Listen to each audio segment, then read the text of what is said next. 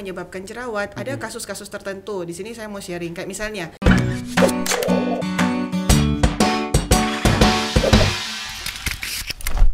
yang paling deket ya adik saya. Adik saya nggak bisa makan coklat. Derita ya dia. Kayak kasihan banget hidupnya. Iya, pasti jerawatnya muncul. Ah, saya juga Oh, punya beberapa see. pasien yang kayak dia eh, makan eh, seafood, jerawatnya muncul. Jadi kalau datang ke klinik jerawatan saya udah tahu pasti habis makan seafood.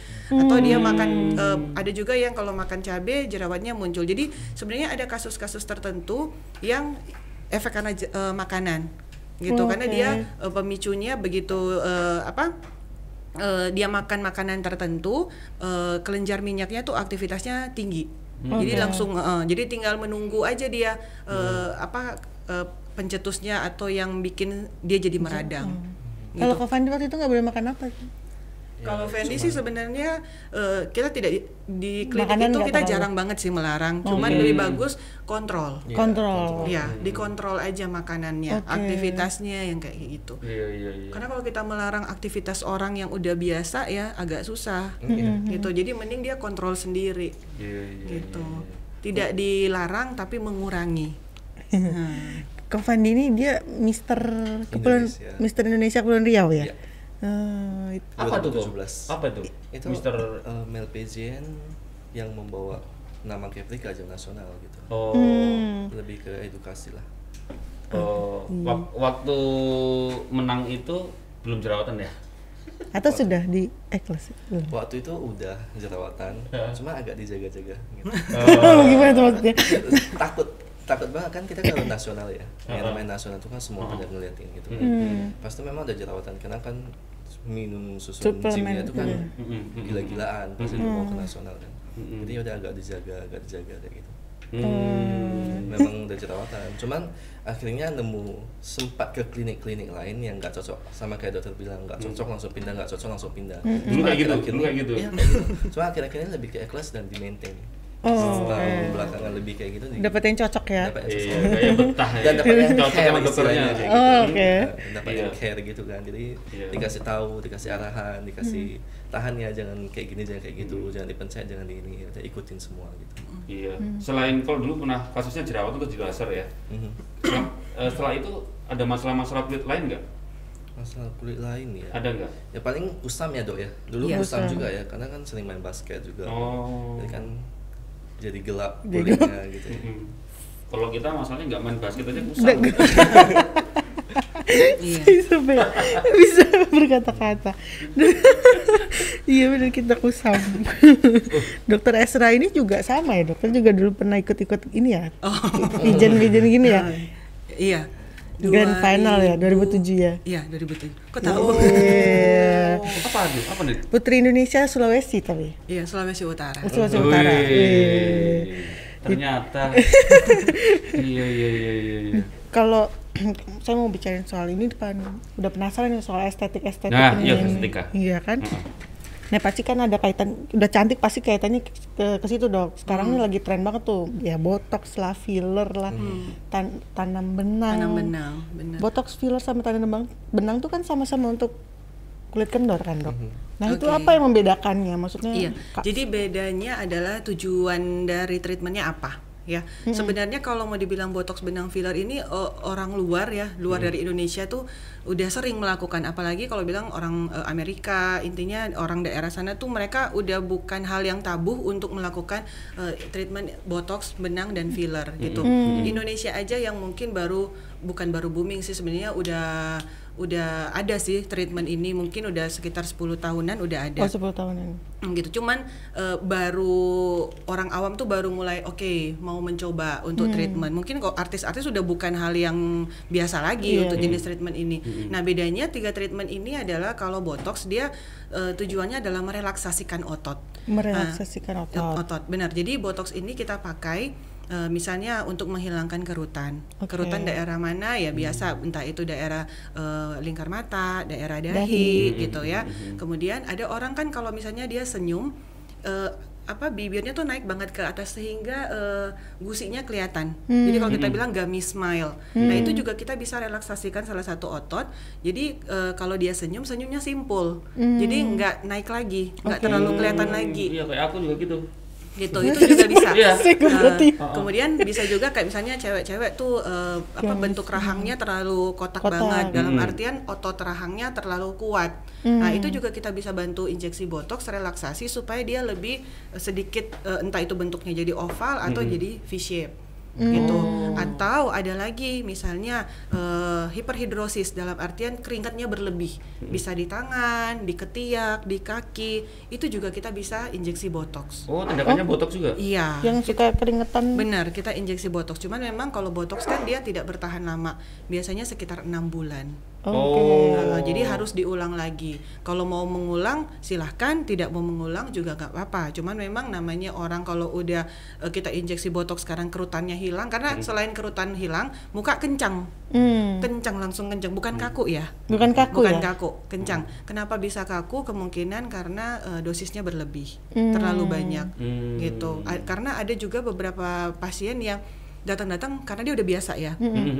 Dok, saya mau sesekian ku- eh, se- sekian unit, saya mau maunya segini banyak gitu kan. Kembali lagi dokternya, ya itulah tugasnya dokter pada waktu kita konsultasi. Selain konsultasi kita mengedukasi gitu. Jadi nggak boleh tidak tidak boleh terlalu banyak. Nanti hasilnya ka- kaku, seperti Kaku. ini, jadinya kayak fake. Tapi kakunya nggak sampai enam bulan kan dok? Eh, enggak. Enggak. maksudnya sudah Tapi dok. kalau memang karena ada beberapa pasien yang eh, dia tidak mau pengulangan eh, lima bulan enam bulan, dia mau kayak misalnya dua tiga bulan dia mau lagi mau lagi. Oh. Jadi jatuhnya memang dia udah terbiasa gitu. Jadi ya itulah tugas seorang dokter kita harus mengedukasi ya ke pasien eh, kenapa eh, ya udah ditentukan sih sebenarnya sama dokter bagusnya misalnya touch-up-nya tiga bulan atau empat bulan lagi gitu. Itu tadi kaku itu maksudnya efek samping gitu dok? Atau apa dok? Karena tugas dari botox kan dia merelaksasikan Merelaksasi, otot. jadi lemas gitu. lemas dalam Ah, artian ah. misalnya kalau alis kan kalau kita kan angkat alis ototnya masih bekerja Mm-mm. botox kalau kita pakai dalam dosis yang eh, natural hasilnya tetap alisnya tetap masih bisa ngangkat alis gitu Oh. senyumnya masih bisa matanya berekspresi kalau kaku dia senyum gini Astaga.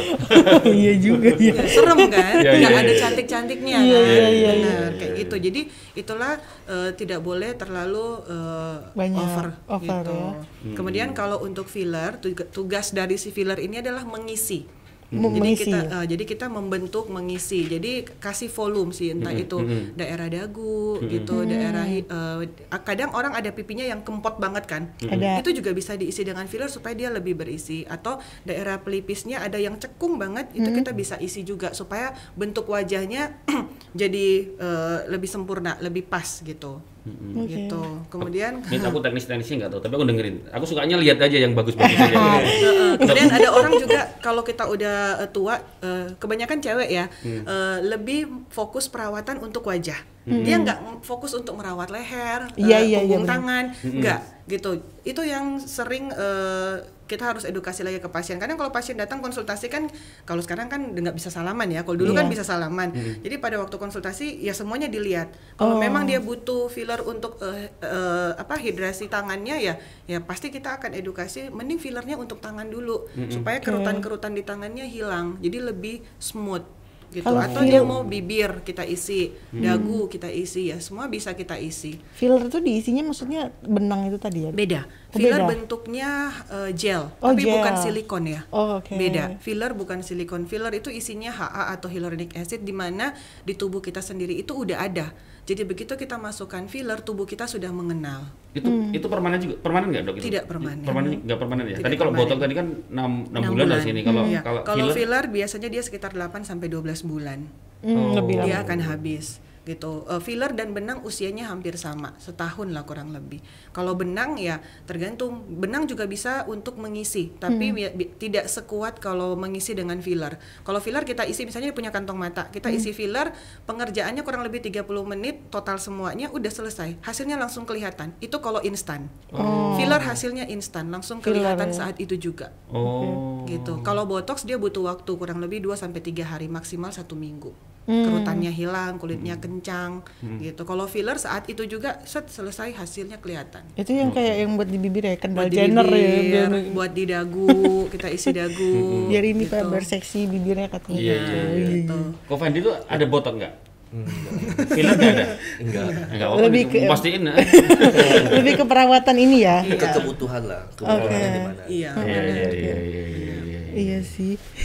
itu tadi berarti kalau untuk botox sendiri efek samping tuh sebenarnya tidak ada karena ada sekarang ada botox natural gitu ya, Dok. Eh, bukan botox natural sih pengerjaannya. Oh, pengerjaannya. Dosis yang dite- dosis yang kita pakai itu biasanya ditentukan sama dokter. Kalau saya lebih suka pada saat konsultasi saya infokan ke pasien misalnya eh, mau pakai di daerah lingkar mata, saya pakai sekitar 10 sampai 20 unit ya. Kok nggak pasti dok ya kita lihat pada waktu pengerjaan. Unitnya apa nih, Dok? Unit banyaknya dosis yang kita pakai, Oh, oke. dosis obat. Kadang pasien misalnya saya pakai, saya misalnya saya pakai 30 unit ya gitu kan, kaget dia, berarti 30 kali suntik dok? Enggak, bukan berarti 30 unit 30 kali suntik, enggak bisa jadi satu titik misalnya untuk daerah lingkar mata atau daerah foreheadnya ya, bisa jadi satu titik itu saya pakai sekitar 2 sampai 3 unit Hmm. gitu. Hmm. Tapi bisa nggak bersamaan antara misalnya saya mau hari ini tanam benang sama filler, mungkin Dok? Benang filler botox bisa dilakukan dalam satu ha- hari. saat yang bersamaan, Oke. tergantung daerahnya yang mana. Semangat ya.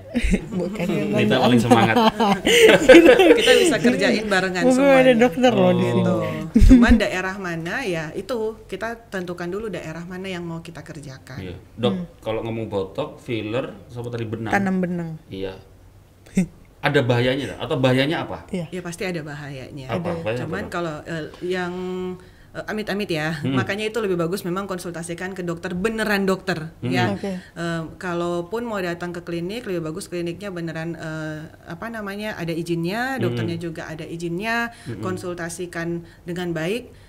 Ke- karena kalau pengalaman saya ya eh, ada beberapa pasien yang dia udah pernah benang botox filler gitu giliran konsultasi ke saya saya tanya berapa banyak? Dikerjain di mana? Nggak tahu. Saya pokoknya tutup mata dokternya ngerjain ngerjain saya bayar segini selesai gitu. Oh. kan berarti informasi yang diberikan berkurang. Iya. Nah, kalau saya lebih suka pada waktu konsultasi saya infokan, saya masukkan di sini, di sini jumlahnya segini. eh, pada saat pengerjaan juga selesai pengerjaan saya pasti kasih pasien cermin. Jadi pasien bisa tahu, oh oke dokter masukin ke sini ke sini ke sini di daerah wajah. Ya kalau dia mau retouch lagi di ekles silahkan, tapi kalaupun misalnya dia pergi ke klinik lain kan dia bisa menginfokan kembali ke dokternya di mana eh, daerah mana aja yang dia masukkan. Nah, kalau untuk eh, botox ya tadi sih sebenarnya kalau dalam jumlah yang banyak eh, udah ada penelitian tidak akan menyebabkan kematian, tapi mukanya kaku banget gitu. Jadi dia tidak bisa berekspresi gitu ya. Jadi nggak bisa ketawa ngakak gitu nggak bisa. Hmm. Kemudian kalau untuk filler eh, paling terburuknya adalah nekrosis. Nekrosis dalam eh, kalau bahasa awamnya adalah kematian jaringan. Jadi filler itu tidak boleh masuk ke dalam pembuluh darah atau menekan pembuluh darah. Makanya memang harus yang dokter udah eh, tahu untuk mengerjakan eh, ya intinya harus tahu lah untuk struktur muka yang mana yang harus dimasukkan karena kalau dia salah masuk kena pembuluh darah yang fatal adalah selain kematian jaringan kebutaan kalau pembuluh darahnya kalau fillernya itu ngikut pembuluh darah yang ke mata, Mata. Heeh Aduh. Wih, Iya gitu. iya. Kalau untuk benang, kalau terlalu eh, superficial, eh, terlalu permukaan, ya, eh, yang tidak seharusnya dia ada di situ, karena memang sebenarnya benang ada beberapa jenis ya. Ada yang memang agak sedikit ke atas, tapi bukan berarti beneran di luar banget. Ada yang memang harus eh, di agak di pertengahan. Kalau memang salah teknik, ya, karena saya pernah waktu itu ikut pelatihan. Kasusnya adalah pasien ini pasang benang di tempat lain dan eh, terlalu eh, atas banget. Jadi jaringannya rusak. Eh, bo- bukan bopeng. Eh, mati jaringannya jadi cekung, bo- bolong gitu mukanya. Nah, gitu. Jadi memang eh, harus konsultasi Dan sih nggak bisa dibenerin dok kalau kayak misalnya. Kalau udah kematian jaringan udah susah. Oke. Udah eh, apa namanya? Udah bolong gitu dia kulitnya. Aduh. Dok, enggak, ini kan karena dokter ini kan juga dokter estetika. Iya. Ada tips nggak dok? Maksudnya memilih klinik Iya. atau dokter yang memang itu kan kita nggak tahu nih misalnya nah, Hmm. saya nih baru ketemu dokter ini dokter ini memang udah ahli belum sih? Ya biar ya kita orang awam itu biar tahu Yang itu gimana dok? eh, Oke, yang pertama sih kalau tips saya eh, mau ke karena klinik estetik banyak ya. Mhm, Yang kan paling sekali itu kan. benar, yang paling utama adalah eh, cek dulu klinik ini ada izinnya atau tidak. Karena kalau i- kliniknya ada izin, otomatis semua tenaga medis yang ada di dalamnya pasti berizin. Entah Oke. itu dokter, perawatnya, apotekernya, asisten apotekernya semuanya ada di ada ada izin-izinnya. Hmm. Itu sih. Jadi kalau- kita ke klinik tanya, Tanya ada dulu, izinnya nggak? dulu. Dokternya izinnya apa gitu ya, apa ya, ya? namanya eh, namanya kalau klinik ya pasti eh, udah buka pasti izinnya udah ada kok. Pasti Iya, gitu ya. Heeh. Kan dokternya juga kalau udah praktek situ juga pasti akan Pasti ada izinnya. ya. Biasanya dipajang ya dok di depan. Iya, Oh, gitu. nggak pernah masuk. Biasanya ada Tapi penasaran juga. ya. Iya. Dok Iya. katanya kalau vitamin C itu bisa mencerahkan sama imunitas kan kita tahunya imunitas. benar. Tapi kenapa dia bisa mencerahkan juga? Ya karena efek dari eh, jadi vitamin C ini eh, biasanya kita kombinasi sama kalau di klinik dengan glutathione ya. Eh, at- eh, jadi dia kerjasama. Jadi si vitamin C dan glutathione ini selain untuk mencerahkan, dia juga bagus untuk antioksidan. Nah, kenapa dan eh, vitamin C dan antioksidan ini sangat penting pada cewek, pada perempuan. Kenapa? Karena perempuan usianya usia kulitnya akan lebih cepat tua dibandingkan laki-laki Oh gitu. kecuali laki-lakinya merokok akan lebih lagi gitu. Nah, Karena akan lebih cepat tua. gitu. Jadi Kalau efek merokok. jadi efek dari vitamin C ini eh, karena banyak orang yang datang ke klinik konsultasi itu pengen putih ya. Iya. Iya, Eh, iya, iya. Kalau dulu mungkin orang bilang eh, putih itu cantik ya. Kalau Iya. sekarang justru eh, agak coklat-coklat gitu eksotik, Oke, ya kan? betul. Saya coklat. Jadi eh, efek eh, vitamin C dan glutathione ini dia bagus untuk mencerahkan dan antioksidan Eh, dan sangat bagus untuk perempuan apalagi kalau udah usia di atas dari 30 tahun. Kenapa? Karena biasanya eh, di atas dari eh, per satu tahun ketambahan usia kita itu eh, produksi kolagen ya di kulit kita itu akan berkurang eh, sekitar kurang lebih satu persen. Oke. Ken- Berarti saya boleh dong makan vitamin C atau tuh banyak-banyak? Kan Eh, ada dia ada dosisnya. Jadi sebenarnya kalau lebih bagus di makanan atau memang disuntik gitu? Oke, Dok? memang lebih cepat eh, injeksi Suntik. karena Oh. dia akan la- langsung masuk ke pembuluh darah. Jadi sel-sel tubuh kita tuh lebih cepat bereaksi karena kalau eh, masuk ke kalau kita minum ya itu masih banyak prosesnya lagi. Iya. Nah, gitu. Dan dosis yang dibutuhkan itu kalau untuk perempuan untuk usia dewasa itu 75 gram. Kalau untuk usia laki-laki itu 90 gram per hari. Jadi 90 gram jangan per hari. jangan overdosis, jangan oh saya pengen 1000 gitu kan Iya. eh, tetap tidak semua 1000 miligram itu akan dicerna sama tubuh kita. Iya. Dia larut juga ya. Sisanya juga Vitamin akan dibuang. Dibuang ya, mubazir. Kayaknya Kak. Fandi juga suntik vitamin C. belum. Oh, Oh, enggak ya? juga. Oh. Emang udah putih dari sananya. iya. Kok Fendi ini pernah nggak apa pernah ada masalah maksudnya setelah setelah perawatannya ada iritasi atau Iya. apa? Nggak pernah. Nggak pernah ya? Dulu, maksudnya dulu salah milih klinik mungkin. Heeh. Tiba-tiba bukan salah cuman belum tahu klinik itu cocok apa enggak Iya. Oke. lalu sembarang ke klinik tanpa cek kliniknya lalu ke sana juga karena saran sih coba aja ke sana coba aja ke sana tapi kan nggak tahu ini klinik ini beneran cocok nggak sama kita apa yang dikasih itu sesuai nggak dengan kebutuhan kita gitu Kalau yang sekarang cocok karena apa? cocok karena ya kemarin ya minggu lalu sempat ada muncul jerawat Hmm. ya saya totolin itu loh dok. Ya, ya, obat totol eh, itu. Langsung kempes cepet banget kempesnya gitu itu cocok. Lalu dengan dokternya juga care gitu. Jadi kayak udah dekat kan. Udah dekat dokternya juga sering chat kan. Fan gimana Fan perkembangannya gitu. Oh udah kayak gini dok gitu. Dikasih tahu gitu. Karena kita memang di klinik eh, selalu memfollow up pasien. Jadi follow up kita itu Aktif ya? datang datang hari Inisiatif ini ya? tiga hari setelah treatment Kita pasti kita akan tanya perkembangannya kayak gimana. Biasanya kalau eh, nggak WhatsApp ke frontliner eh, saya dan dok, jadi di klinik itu ada dua dokter, ada saya dan dokter Nancy. Hmm. Selesai konsultasi di dalam ruangan maupun di dalam ruangan treatment, pasti kita akan share nomor telepon kita. Oh. Resikonya adalah ya kita bersedia diganggu kapan saja, Iya, iya. gitu. Iya, Karena iya. kalau Tinggal pasien ya. Benar, jadi kadang pasien tuh suka eh, apa? Karena biasanya kita udah jelasin di klinik, nanti gini gini gini ya, Lupa. tiba-tiba pulang dia lupa. Oh. Itulah kenapa lebih enak kalau di WhatsApp. Kalau WhatsApp kan dia bisa baca lagi, Baca oh oke, iya, gitu. Betul, jadi betul, betul. kadang pun eh, ada masalah apa, mereka suka WhatsApp atau nanya lagi, gitu. Seru ya, enak, enak, enak. Iya. Kayak kok kok kan kok Fandi dulu nih. Iya. kok Fandi pernah nggak sih disindir-sindir sama temen kok kamu perawatan sih kayak gitu-gitu? Hmm, mungkin ada lah ya satu Ada dua ya? cuma di belakang ngomong ini soal kok perawatan gitu. Nah bagi saya perawatan itu kan cara saya menghargai tubuh saya. Oh iya, itu benar-benar. Kalau kita sendiri nggak ngerawat siapa lagi gitu. Karena kan semakin tambah usia juga kan kita semakin sadar ya. Kalau kecil ya udah main-main kotor ya nggak apa-apa gitu. Cuma semakin ke sini lagi pula saya dosen. Harus menjaga penampilan. Iya, iya, bener-bener. Itu di depan itu Tuh. Siapa yang nggak senang dengan dosen kayak begini Iya. kan? Iya. Jadi kalau dulu lah ya sebelum kelas online kan setiap malam tuh kan menghadapi 50 anak, 50 anak gitu. Jadi kalau kita nggak kelihatan fit, kita nggak kelihatan seger gitu kan mereka juga males kan. Iya, Di males kelas dengerin ya. Enak banget ini dosen gitu ya. Iya. Jadi kalau kita Kalau online kan close up kan. Iya. Nah, jadi kalau kita kelihatannya seger gitu kan orang juga semangat di kelas itu kan kelihatannya gitu. Gitu sih. betul. Iya, iya. Perlu. Jadi perawatan Perlu. Perawatan Perawatan perlu. tuh perlu. Apalagi tadi kalau sebelum ini jerawatan gitu masa dibiarin aja ya. Ah, iya. Iya. Iya benar kan dosen juga ya. Iya. Nggak ada salah sih ngerawat badan sendiri gitu. Iya. Nggak ada ada salah. salah. Iya, Lumayan nih, mau. terpengaruh saya. Dengerin dokter Esa juga terpengaruh. Ada Justru kalau eh, kalau mau share pengalaman ya, sekarang tuh eh, pasien cowok banyak loh datang ke klinik estetik Oh dan iya, tadi aku mau nanya itu dok. benar dan